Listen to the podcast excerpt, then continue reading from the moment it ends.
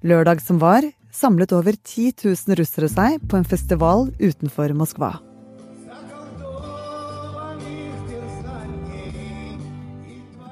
En av de var 29 år gamle Darja Dugina.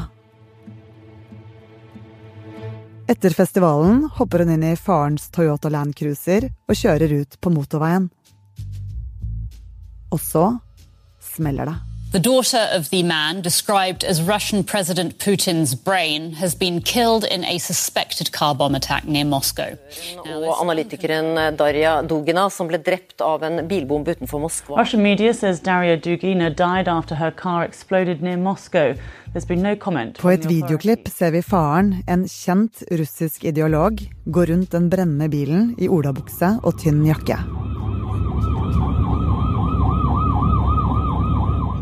Mens han stirrer mot det som er igjen av vraket, løfter han hendene mot pannen, som om han ikke orker å ta inn over seg det som nettopp har skjedd.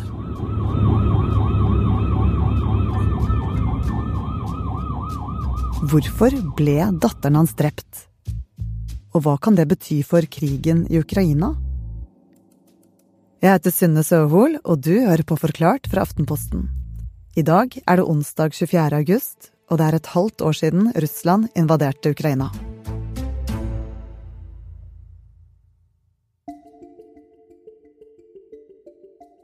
Darja Dugina er datteren til en av de mest eh, kjente ideologene i Russland som har vært med på å legge grunnlaget for mye av eh, det som i dag er det ideologiske fundamentet for Putins invasjon av Russland. Han du hører snakke her, er Per Anders Johansen. Han er journalist i Aftenposten og har tidligere jobbet som korrespondent i Russland. I tillegg til å hjelpe faren med press og andre ting, så har Dogina selv blogget, deltatt i russiske propagandaprogram. Hun har sittet og sagt at alle ukrainere er nazister, og at de er, er nærmest terrorister, og forsvart krigen og, og farens ideologi. Og hva var det Darja Dogina gjorde denne lørdagen? Hele lørdag så var uh, russere, om lag 10 000-15 000 mennesker, samlet til det de kaller for uh, festivalen Tradisjoner. Dette er et møtested hvor russiske nasjonalister med mange ulike bakgrunner kommer. Der var det mange veteraner som har kjempet for russerne og de russiskstøttede opprørsrepublikkene. Der var en av Russlands rike oligarker som har støttet krigen. Og de hørte på ja, russisk musikk.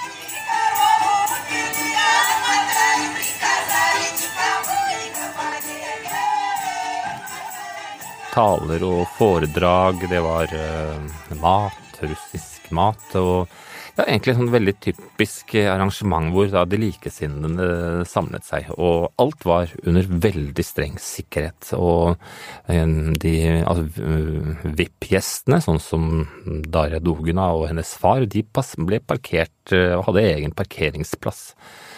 Og et av trekkplastrene på denne festivalen var ultranasjonalisten og ideologen Aleksander Dugin, faren til Darja. For Aleksandr Dugin er ikke hvem som helst.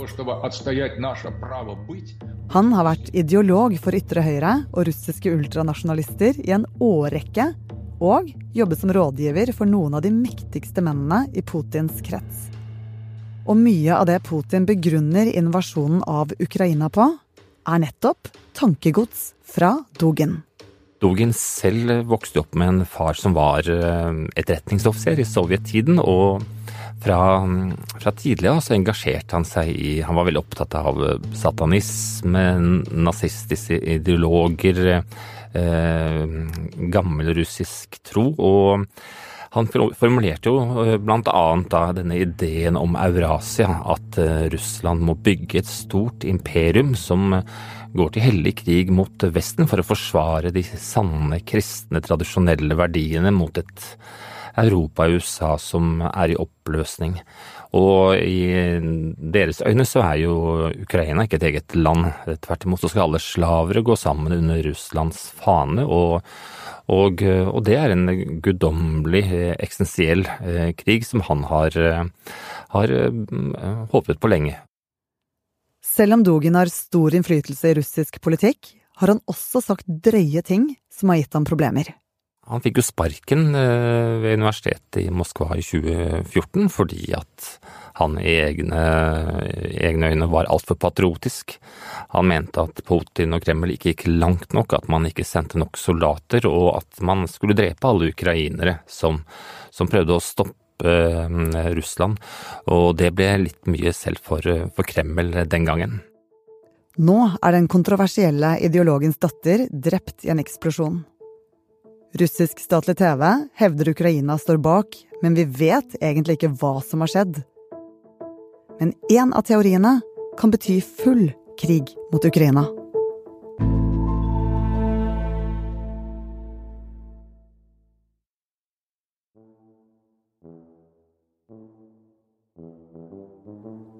Så etter at festivalen som samlet russiske nasjonalister var over, skulle Darja og faren hennes etter planen kjøre sammen i farens bil hjem. Men i siste øyeblikk hopper Aleksandr Dugin inn i en annen bil. Darja Dugina kjørte alene hjem, og eh, idet hun kjørte ut på en veldig stor eh, motorvei, bare en par mil fra dette området hvor mange av Russlands mektigste mennesker bor i sine luksusbiler, så eksploderte eh, bilen. Og siden har jo ja, de fleste, både på russisk og vestlig side, har jo eh, spekulert rundt hva som skjedde, men det er nå ganske stor enighet man tror at eh, Dugin var, eh, var målet. Og Du sa jo selv i stad at det var streng bevoktning og mange regler, sikkerhetsregler rundt Dugin. Hvordan kunne dette likevel skje? Flere russiske medier har jo skrevet at dette var en festival omgitt med veldig stor sikkerhet. Alle som kom hit ble, ble grundig undersøkt. Du hadde eksempler på mange som ble bortvist fordi at de var for påvirket av alkohol. Og samtidig så, så, har andre russiske medier sagt at da folk kom ut etter den siste opptreden på kvelden, så var det ikke noen sikkerhetsvakter der. En annen interessant detalj som har kommet frem, var jo at ehm, bilen til ehm, Dogin sto parkert på en egen, godt bevoktet parkeringsplass. Men overvåkingskameraene var slått av i minst to uker, og det har vært vanskelig å finne ut av dokumentering med bilder hva som skjedde. Noe som egentlig er veldig uvanlig i Moskva, for der er det overvåkingskameraer overalt. Så Uten overvåkningskameraer og uten sikkerhetsvakter er ikke lenger de strenge sikkerhetstiltakene så sikre. Og nå hevder den russiske sikkerhetstjenesten, FSB, at det er ukrainske agenter som står bak attentatet.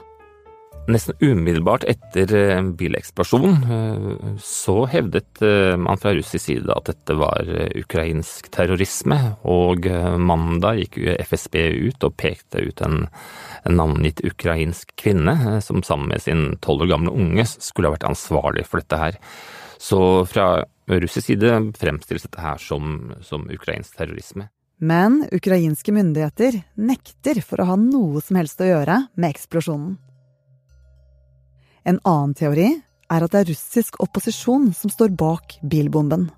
Og en kjent russisk opposisjonspolitiker i Kiev han har da hevdet at dette ble utført av en gruppe som han kaller for Den nasjonale republikanske armé.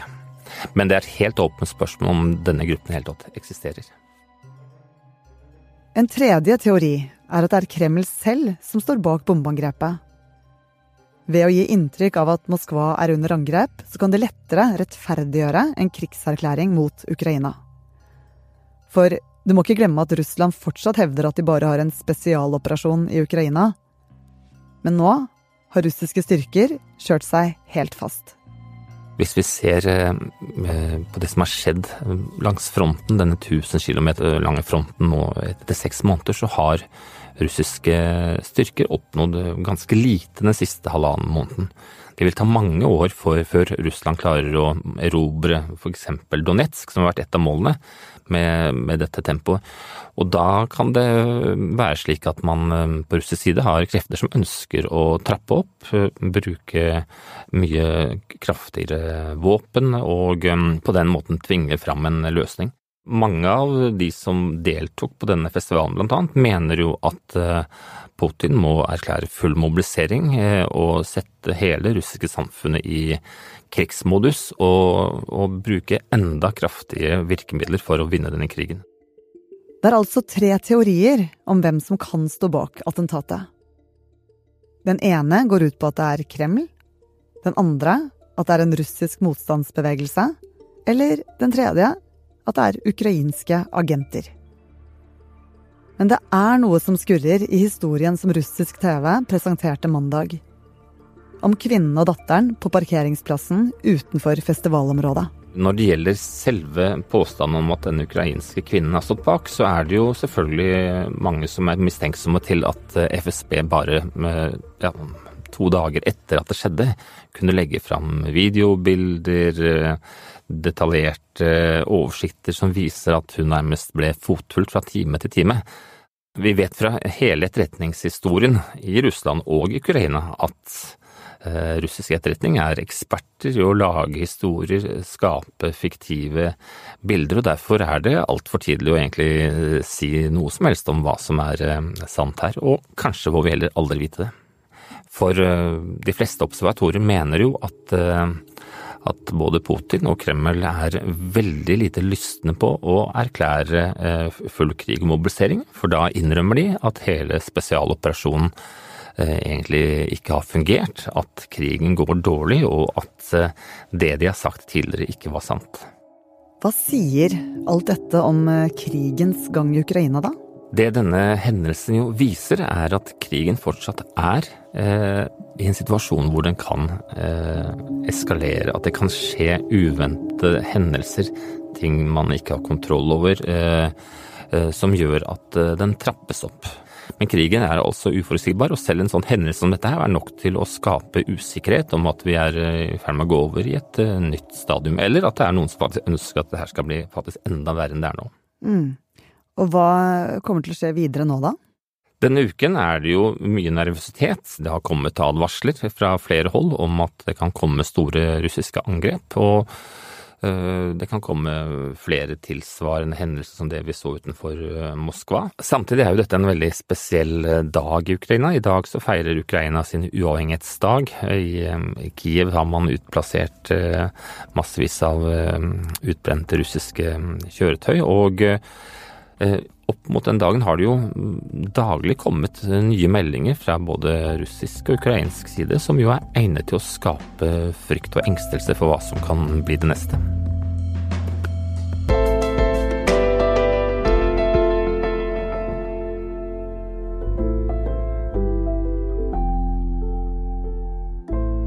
I denne episoden hørte du Per Anders Johansen fortelle om teoriene bak bilbomben i Moskva. Du har hørt lydklipp fra Telegraph, BBC, DW News, NRK, det russiske nettstedet Yandex og de russiske YouTube-kanalene World of Music og Russian Rock. Det er produsent Jenny Førland og meg, Synne Søhol, som har laget denne episoden. Resten av Forklart er David Vekoni, Marit Eriksdatter Gjelland, Anne Lindholm, Fride Næss Nonstad og Anders Sveberg. Overgangen en ny serie i tre episoder fra Fortalt.